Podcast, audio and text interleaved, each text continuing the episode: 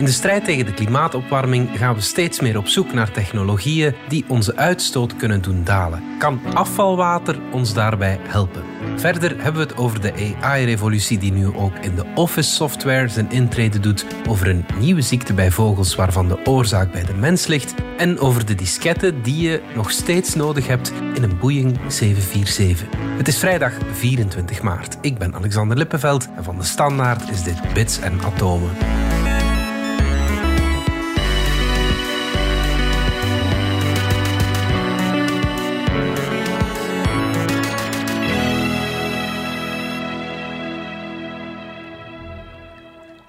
Dominique Dakmijn, technologiejournalist en Pieter van Doren, wetenschapsjournalist. Pieter, we zijn in de hele wereld massaal op zoek naar een manier om onze uitstoot te doen dalen, om de mhm. klimaatopwarming tegen te gaan.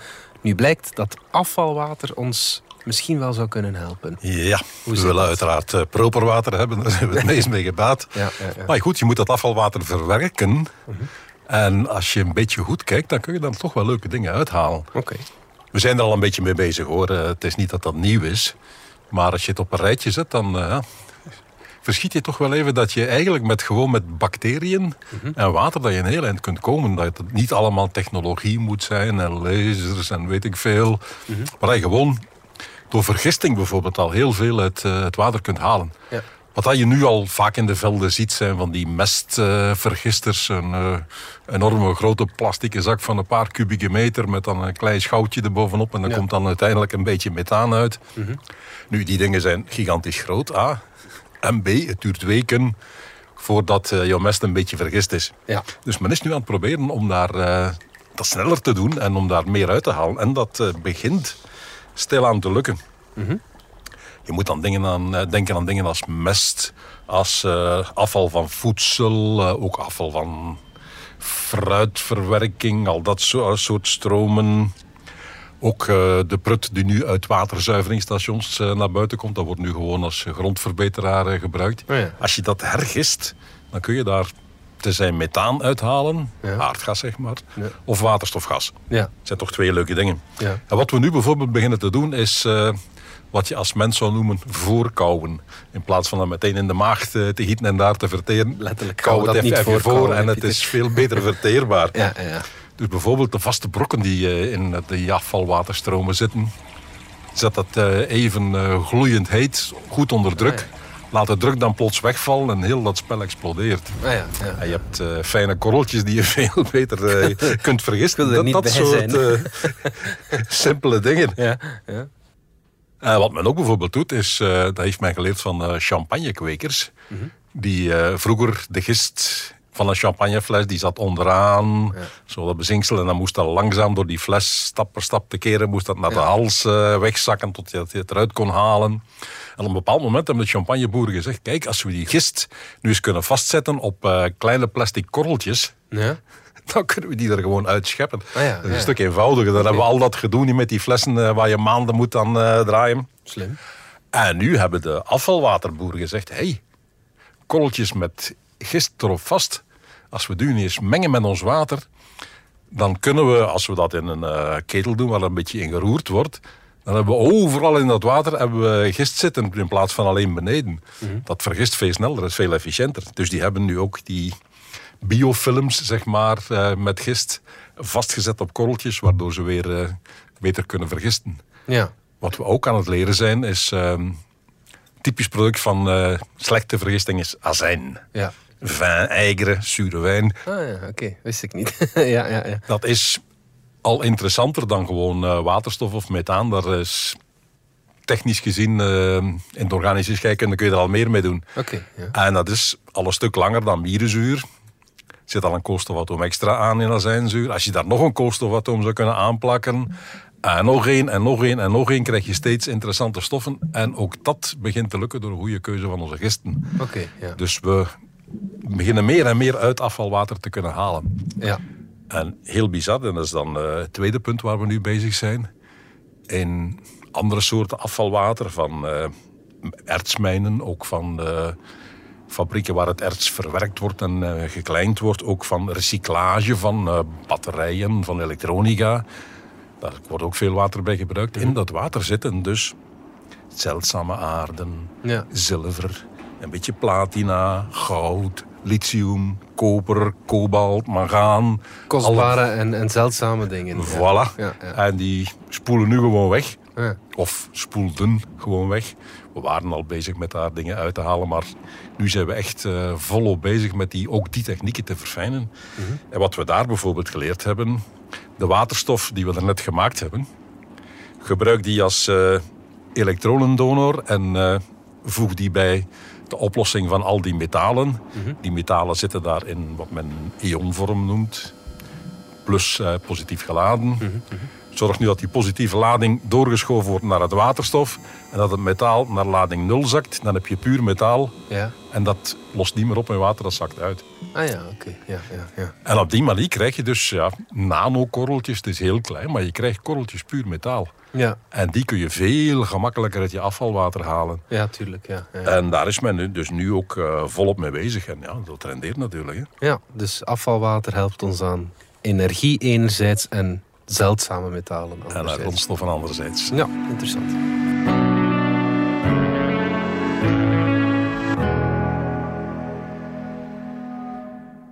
Dominique, ons eh, leven wordt binnenkort een stuk gemakkelijker, denk ik. Want eh, Microsoft gaat het gloednieuwe GPT-4, de opvolger van GPT-3, inbouwen in zijn Office-producten. Ja, kijk eens hoe snel dat allemaal gaat. Dus hè, eind ja. november komt voor de eerste keer iets gebaseerd op GPT-3 in het publiek. Hè. Je krijgt dan die ChatGPT. Hè. Iedereen zit ermee te spelen.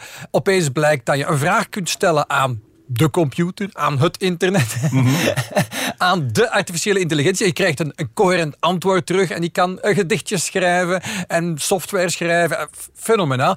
En nu gaat dat dus eigenlijk eh, in de komende maanden. We weten nog niet precies wanneer het gelanceerd wordt, maar we hebben wel een demonstratie gezien. Het gaat ingebouwd worden eigenlijk in de software die veel mensen, waaronder wij hier elke dag gebruiken. En dat is dan de tekstverwerker Word waar dat we in zitten. Ja, de browser waar dat we in werken. Als die browser toevallig Edge is van Microsoft. toch? Eh, eh, de Excel spreadsheet en bijvoorbeeld heel, heel krachtig in PowerPoint, hè, de presentatiesoftware. Alle dingen die we dagelijks gebruiken. En daar overal in ga je dus die ChatGPT-achtige dingen kunnen doen, maar dan met de dingen die je al hebt. Hè? Dus in Ja, ja. plaats van te zeggen van eh, schrijf mij een tekst over onderwerp X, eventueel kun je dan eh, ChatGPT wel een tekstje, een kort tekstje voeden waar je dan op verder kan werken, maar aan dus die nieuwe Copilot, zo gaat de functie heten in Microsoft Office. Aan die Copilot vraag je dan van, ah, maak me nu een slideshow gebaseerd op dit rapport. Of op de samenvatting van deze vergadering. Want het ding gaat dus je volledige vergadering in tekst uitschrijven, samenvatten in bullet points en kan er dan bijvoorbeeld een presentatie van maken. Het is te gek voor woorden. Dus fantastisch eigenlijk wat men allemaal op heel korte termijn, eh, in ieder geval dit jaar al gaat kunnen doen. Tenzij alsnog zou blijken dat er te veel problemen nog zijn met die technologie. Ik wou net vragen, eh, ben je zeker dat er geen enkel van die bullet points dan verzonnen is? Dat is nu net het grote probleem. Eerst en vooral, en wat we dus vorige keer in deze podcast verteld hebben, was tegen de tijd dat u de podcast hoorde alweer uit de tijd. En dat gebeurt de laatste tijd gênant vaak. Ja. Dat ligt niet aan ons. Nee, nee, nee. nee, dat nee. ligt aan hoe snel het allemaal gaat. Maar ik had bijvoorbeeld gezegd van ja, die Bing-technologie, waar eigenlijk blijkt nu GPT-4, eigenlijk eh, GPT-4 Mhm. al heel de tijd in zat. Je kan er nog niet aan, je moet op een wachtlijst. Dat was twee dagen later al niet meer waar. Iedereen kan er nu gewoon om. Dus ik zou zeggen, Mhm. doen. Hè. Ga, naar, ga naar bing.com en registreer je ervoor. Je kan er meteen op. En dan zit je dus eigenlijk niet te chatten met ChatGPT, wat dus eigenlijk de oude Mhm. GPT-3 uit het verre 2020 is. De middeleeuwen, zeg maar. De middeleeuwen AI-gewijs. Maar dan zit je op het nieuwe GPT-4. En daar zijn een heleboel problemen mee. Ten eerste weten we nu al die problemen die we al gesignaleerd hadden met Bing. Ja, we weten nu sinds enkele dagen nog maar dat dat eigenlijk niet GPT-3, maar GPT-4 was. Dus dit is die nieuwe versie waar iedereen al maanden over aan het dromen was van wat gaat er allemaal niet mogelijk zijn met GPT-4. Maar bleek dat het er eigenlijk al was, dat we er eigenlijk al mee aan het werken waren. En dat het eigenlijk alle problemen van GPT-3, alle problemen die gemeld zijn met ChatGPT, heeft hij nog altijd. Ja. Dat wil zeggen, er kunnen vooroordelen uitkomen.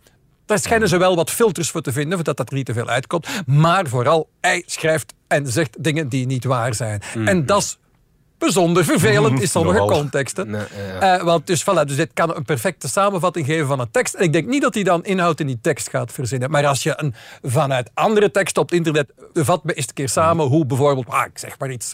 de Sovjet-Unie uit elkaar is gevallen of zo.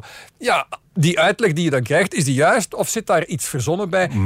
Er staan nu wel links bij, die had je niet bij ChatGPT. Maar als je die links volgt, dan zie je soms inderdaad... Ja, maar dat staat er helemaal niet. Ja, dat staat er helemaal ja. niet. En dat heeft hij daar toch gelezen. Hoe heeft hij dat nu in godsnaam gedaan?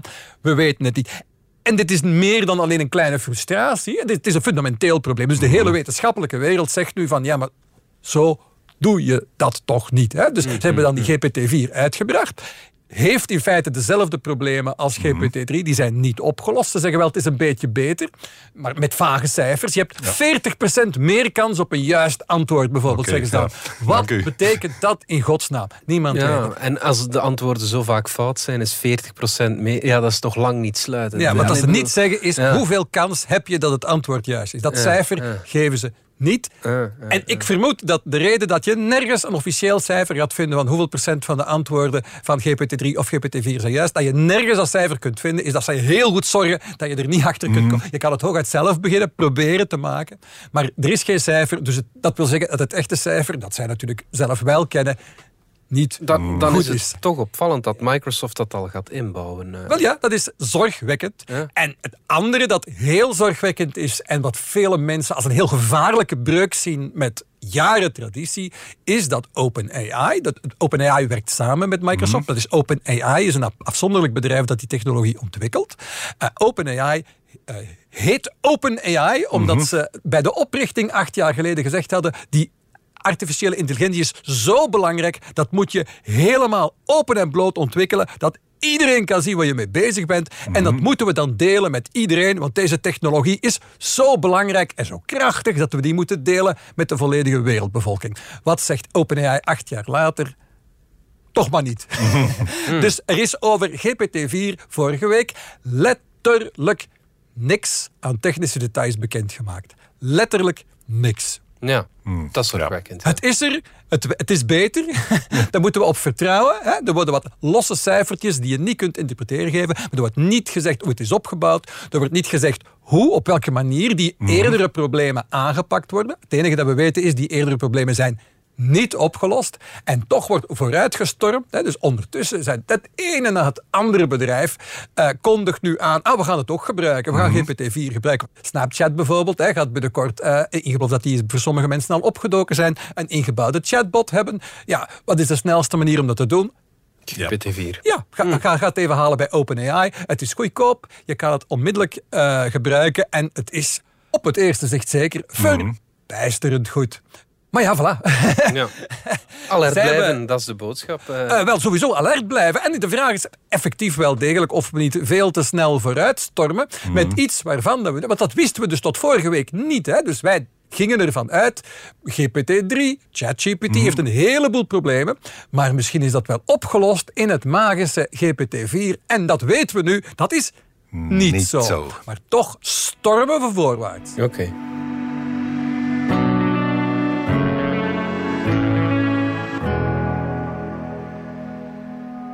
Pieter, er is een nieuwe vogelziekte vastgesteld en dat heeft alles te maken met onze plasticverbruik. Ja, in het eh, medisch Latijn, in het dokterslatijn heet die plasticose. Let- eh, letterlijk vertaald plasticziekte. Ja, oké. En eh, voorlopig is ze bij vogels gedocumenteerd, maar wees maar gerust, het is niet alleen bij vogels zo. Alleen nu voor het eerst hebben we het echt kunnen bewijzen, hebben we er cijfers kunnen plakken en hebben we het hele pad van die ziekte kunnen aantonen. We weten allang dat, eh, dat we allerlei beesten vinden met plastic in hun maag en dat die daar echt niet beter van worden, dat ze soms aan sterven. Maar dat zijn losse individuele gevallen, daar steekt geen mechanisme onder of geen bewijsbaar mechanisme. En nu zijn er mensen in Australië die hebben bij de Australische grote pijlstormvogel, een eh, vogel die eh, vooral boven zee zijn eten haalt, hebben ze jongen opgevolgd tot eh, drie maanden. En daar hebben ze kunnen aantonen dat, eerst en vooral dat zelfs vogeltjes van drie maanden, die nog nauwelijks zelf eh eten gezocht hebben, al plastic in hun maag hebben. Oké, ja. B, dat in de voormaag, wat men eh, de kliermaag noemt, het eerste stuk van de maag, dat is dat ze daar heel veel littekens hebben. Al op drie maanden? Op drie maanden. Oké, ja. Hebben ze ook bij oudere vogels aangetoond, maar zelfs al op drie maanden. Dus eh, hebben die al eh, plastic gekregen van hun ouders, hebben die daar littekens aan overgehouden. En er is bovendien een meetbaar verband tussen de hoeveelheid plastic en de hoeveelheid littekens. En er is ook een duidelijk aantoonbaar verband tussen, eh, verband tussen de hoeveelheid littekens en de gezondheid. Ze zijn gevoeliger voor parasieten, ze zijn gevoeliger voor andere besmettingen. Ze kunnen hun eten slechter verteren, ze nemen minder vitamines op en ze sterven vroeger. Oh ja. Allemaal netjes aantoonbaar, omdat men nu bij die ene vogel het heel goed kunnen documenteren heeft en de, de cijfers kunnen onderplakken. Ja. En goed, een artikel gaat alleen over die vogel, maar ze zeggen zelf, eh, ga er maar van uit dat wat wij hier bij deze vogel zien ook bij andere vogels zo is. En bij uitbreiding ook eh, bij andere diersoorten en misschien ook de mens Ja. Wel eens eh, het geval zou kunnen zijn. Mhm, Dus ja, eh, toch eh, niet echt leuk nieuws. Wat ze ook bijvoorbeeld aangetoond hebben, dat de littekens inderdaad van het plastic komen. Die vogels hebben de gewoonte om ook kleine steentjes, brokjes puimsteen op te pikken en in hun maag op te nemen, omdat dat helpt om het voedsel te verbrijzelen en zo verder. Oh. En ze hebben kunnen aantonen dat die steentjes niet voor littekens zorgen. Het is alleen als je plastic eet dat je de littekens krijgt. scherper is waarschijnlijk. Ja, Ja, whatever. eh, er zal ook wel eh, chemie komen bij kijken. Mm, Hoe dan ook. De oorzaak is eh, de plastic. Ja, oké. Nu duiken we even onder zee. We gaan naar de Marianentrog, het diepste punt op aarde. Daar is een paar jaar geleden heeft men daar een nog niet bekende vlookreeft aangetroffen. Bij vlookreeftjes denken we meestal aan kleine dingetjes in, in kril en zo. Maar dit is eh, zeg maar het formaat van een veel te grote scampi. Dus ja. echt wel een groot eh, beest. En wat bleek toen ze hem boven haalden? Hij had petfles gegeten. Ah, Oké. En hij heet Op nu wat is het, officieel... 11 kilometer diep eh, Ja. is dat. En de officiële naam van de, dat die nieuwe diersoort is Eurythenes plasticus. Zegt genoeg, hè? Absoluut, ja. Een paar jaar geleden is eh, Victor Vescovo, een van onze minder bekende miljardairs, maar het soort avonturier dat zich ook al een ruimtereis gekocht heeft en zo, is op eigen kosten ook de Marianentrog eh, ingedoken, helemaal tot beneden. Zoals James Cameron, die heeft dat ook eens Zoals gedaan. James hè? Cameron het in 2012 De gedaan heeft, eh, dacht ik. Deze meneer is ook naar beneden gegaan. Wat heeft hij daar gezien? Een plastic zak en een hoop snoepwikkels. Ja, oké. ja. Einde verhaal. Niet om vrolijk van te worden.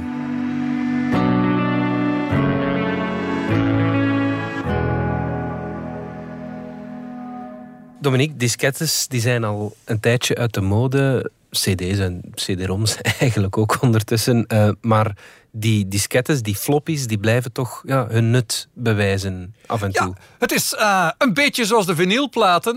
En toch weer helemaal anders. Ja, ja, ja, ja, voilà. Ja, je zult misschien gezien hebben dat sommige eh technologiewebsites daarover spreken. Het is eigenlijk een, een, een lang artikel geweest op de vaak uitstekende website Wired. Hè, die hebben daar een stuk over gebracht. En het is eigenlijk daarom dat iedereen er nu weer eventjes over praat. We gaan dat Ja, dan ook maar gewoon even doen. het is wel interessant. Ah, ja, ik, heb, ik heb thuis nog ergens geen berg, maar toch wel een Ja. heuveltje uh, diskettes, ook nog een floppy disks, staan, ja. noemen we ze. Jaren niet Ah, meer ja. vastgehaald. Ja, Ja, en ik niet, Wat blijkt, nu, eh, wat blijkt nu? Er is ergens in Amerika een magazijn en daar zitten er zo nog wat. eh, daar, daar zitten ze zo in de honderdduizenden. En die worden nog eh, vlotjes verkocht aan een prijs die stilletjes aan naar boven kruipt. Het is nog niet. Zoals de vinyl. Ja, dus er zijn heel veel soorten floppies geweest in de geschiedenis van de computer. Zelf kan ik mij nog de 8-inch floppy Mhm. Ja. herinneren, die ongeveer zo groot is. Ja, bijna zo groot als zo'n vinyl. eh, hè, ja. Mhm. ja, het is groter dan een single. En dan had je de vijf en een kwart inch floppy. Dat, die was courant toen ik met computers begon. Dus Mhm. Ja. die, heb ik, die heb ik nog veel gehad. En dan heb je de... zo. En dan, maar degene die je nog het vaakste ziet zijn de 3,5 inch. En dat, die zitten in zo'n eh, plastic eh, vakje. Mhm. Als je nu ergens in eh, een of ander programma een je bestand wil bewaren, het pictogrammetje van zo'n vierkantje, met dan van onder een klein vierkantje bij, dat is een floppy disk, een 3,5 inch floppy disk. Wat heel veel mensen hebben nooit een Mhm. floppy disk gezien natuurlijk, maar kennen wel dat bewaren pictogram. Want jawel, dat, Ja. dat is de floppy disk. En dus daar heb ik er ook nog eh, flink wat van in Mhm. huis. En wat blijkt, heel wat mensen hebben er niet alleen in huis, maar hebben ze ook heel, heel erg nodig. Want eh, dat was tot laten we zeggen 25 jaar geleden, een heel frequente manier Mhm. om eh, een bestand op te laden op een computer. En elke computer manier. had dat. Hè. Het is nog maar een jaar of och, 15 geleden dat, dat de meeste computers nog een floppy drive hadden. Echt waar, ja. Het is niet Zoiets, zo lang ja. geleden. Ehm, Je kon toen al op cd schrijven, maar de ingang voor een, eh, voor een floppy disk was er nog steeds. Die, ja. voilà, die zat op de meeste desktopcomputers. Op laptops zat hij al een tijdje niet meer. Maar een desktopcomputer had dat nog. Dus het was nog vrij frequent. Maar vooral, men heeft dat ook ingebouwd in een heleboel toestellen. die langer meegaan dan een computer. En een computer, daar denk je van nou, ja, 4, 5, 6 jaar. Maar eh, die floppy drive is ook gebruikt voor toestellen met een iets wat langere levensduur. Zoals daar zijn. Een Boeing 747.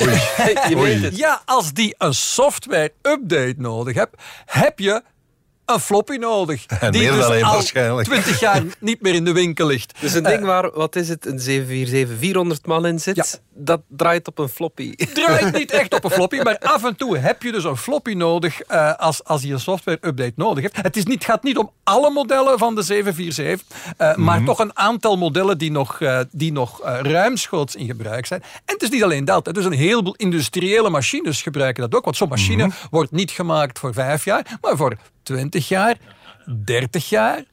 40 jaar weefgetouwen. Hè? Mhm, eh, onze tapijt. krantendrukkerij. Ja, eh, ja, voilà, dat soort. Ik weet niet of onze krantendrukkerij daar nu floppies voor gebruikt, maar dat is zeker niet onmogelijk. Dus dat, dat soort grote industriële apparaten, dus weefgetouwen is een typisch voorbeeld, eh, maar ook andere slijpmachines en zo. Als je daar een nieuwe programma, een nieuwe instructie op wilt laden omdat je een nieuw onderdeel gaat maken of een nieuw tapijtontwerp gaat weven, dan heb je een floppy nodig. Soms kun je dat omzeilen. Dat is zeggen, want er bestaat wel technologie die ehm, een, een USB-stick bijvoorbeeld omzet in iets dat naar buiten toe, naar de computer toe, lijkt op een floppy drive. Maar dat, dat lukt niet altijd. Want eh, ja, een computer kan je met wat software wel wijs, wijsmaken. Oh, dit is eigenlijk een floppy, terwijl het er geen is. Eh, maar die machines zijn er vaak niet op voorzien. Die hebben een floppy drive nog ingebouwd. Dat kan je niet. Je kan dat wel vervangen door iets anders, maar dat kost heel veel werk, kost heel veel geld. Dan koop je toch liever die floppy. Maar die wordt natuurlijk elk jaar een beetje zeldzamer. En dan, als je dan een 8-inch floppy nog nodig hebt, waar we het er net over hadden, dan zit de, is de bodem in zicht. En dus die kostte vroeger een paar cent. En daarvan is de prijs nu al eh, een dollar of vijf per stuk geworden. Hè, wat Ja. dus, eh, laten we zeggen, ruim, ruimschoots duizend keer de, de, de productieprijs is. Maar ze worden niet meer gemaakt. Van de kleinste floppies eh, was niet helemaal duidelijk of toch niet iemand ze nog ergens aan het maken is. Dat kan, denk ik, relatief stem. Maar je, je hebt dat ook gezien met de vinylplaten natuurlijk. Hè. De, de vinylplaten worden nog wel gedrukt, maar de machines om vinylplaten te maken... eh, misschien dat ze die ondertussen wel terugmaken. Ja, maar, ook voor eh, vinyl trouwens. Hè. maar eh, omdat vinyl echt al, laten we zeggen, al tien jaar aan die remonte bezig is. Maar de floppy drive, ja, eh, ja, de floppy drive, dat is natuurlijk geen hype. Hè. Mensen willen die floppies helemaal niet. eh, ehm, het is nog niet zo, want wie weet. Hè, maar, Bij vinyl heb je de charme, floppy, wel, ik weet het niet. De nieuwe versie van Windows, Windows 95, installeren op mijn eh, PC door er om de 10 minuten een nieuwe floppy in te steken. In totaal 22 floppies of zo. Dat wat. Eh, ja, voor mij is dat een stuk van mijn jeugd natuurlijk. Ja, ja, ja. ja. Ja, goed, als oude videospelletjes terug in de mode komen en de bijbehorende floppies worden ook. Ja. Het kan, ja, ja. ja. want voor, de- die games, veel mensen willen die cartridge ook. Hè? Mhm. Dus, en ja, dat had je met floppies. Ik heb heel wat games. oh, Meestal was een game inderdaad al rap drie, vier, vijf, Mhm. tien, twaalf floppies die er één voor één in moest steken. En hopen dat ze allemaal nog werken. Eh, komt dat allemaal terug? Hopelijk niet. Ja, voilà. De sterkte van de week. Good stage one ignition. to explore. No man has gone before. Tot slot de ster van de week, Pieter. We dachten lange tijd dat we een supernova altijd maar ja, nadien zagen, nadat die gebeurd is. Maar nu blijkt dat we hem toch kunnen voorspellen. Ja, supernova's zijn eh, ja, de grootste knal in het heelal, eh, om het eh, kort Ja, te zeggen. ja. Dus een eh, onbetekenend sterretje dat, dat je gewoon niet eens zag op een foto. Tenzij je er echt ging naar zoeken. En waarom zou je? Mhm. Dat wordt dan plots iets dat licht geeft. En ja, dan, dan duikt het op en dan zie je het. Dus supernova's ontdekken we altijd nadien. Nadien, ja. Nadat ze plots zichzelf zichtbaar gemaakt hebben. Maar ja, de wetenschap eh, schrijdt voort en we leren meer en meer. En we beginnen te weten hoe supernova's ontstaan. En we beginnen te weten dat er sterren zijn die op weg zijn naar supernova's. En we hebben nu eentje en die heet WR, WR 124. En die WR staat voor Wolf Rayet. En dat is een type ster waarvan we er maar een paar honderd kennen. Die heel massief is. Die enorm hoeveelheden massa verbruikt. Aan een enorme snelheid eh, die ook allemaal verwerkt. Die enorme hoeveelheden massa ook weer uitspuwt. Ah ja.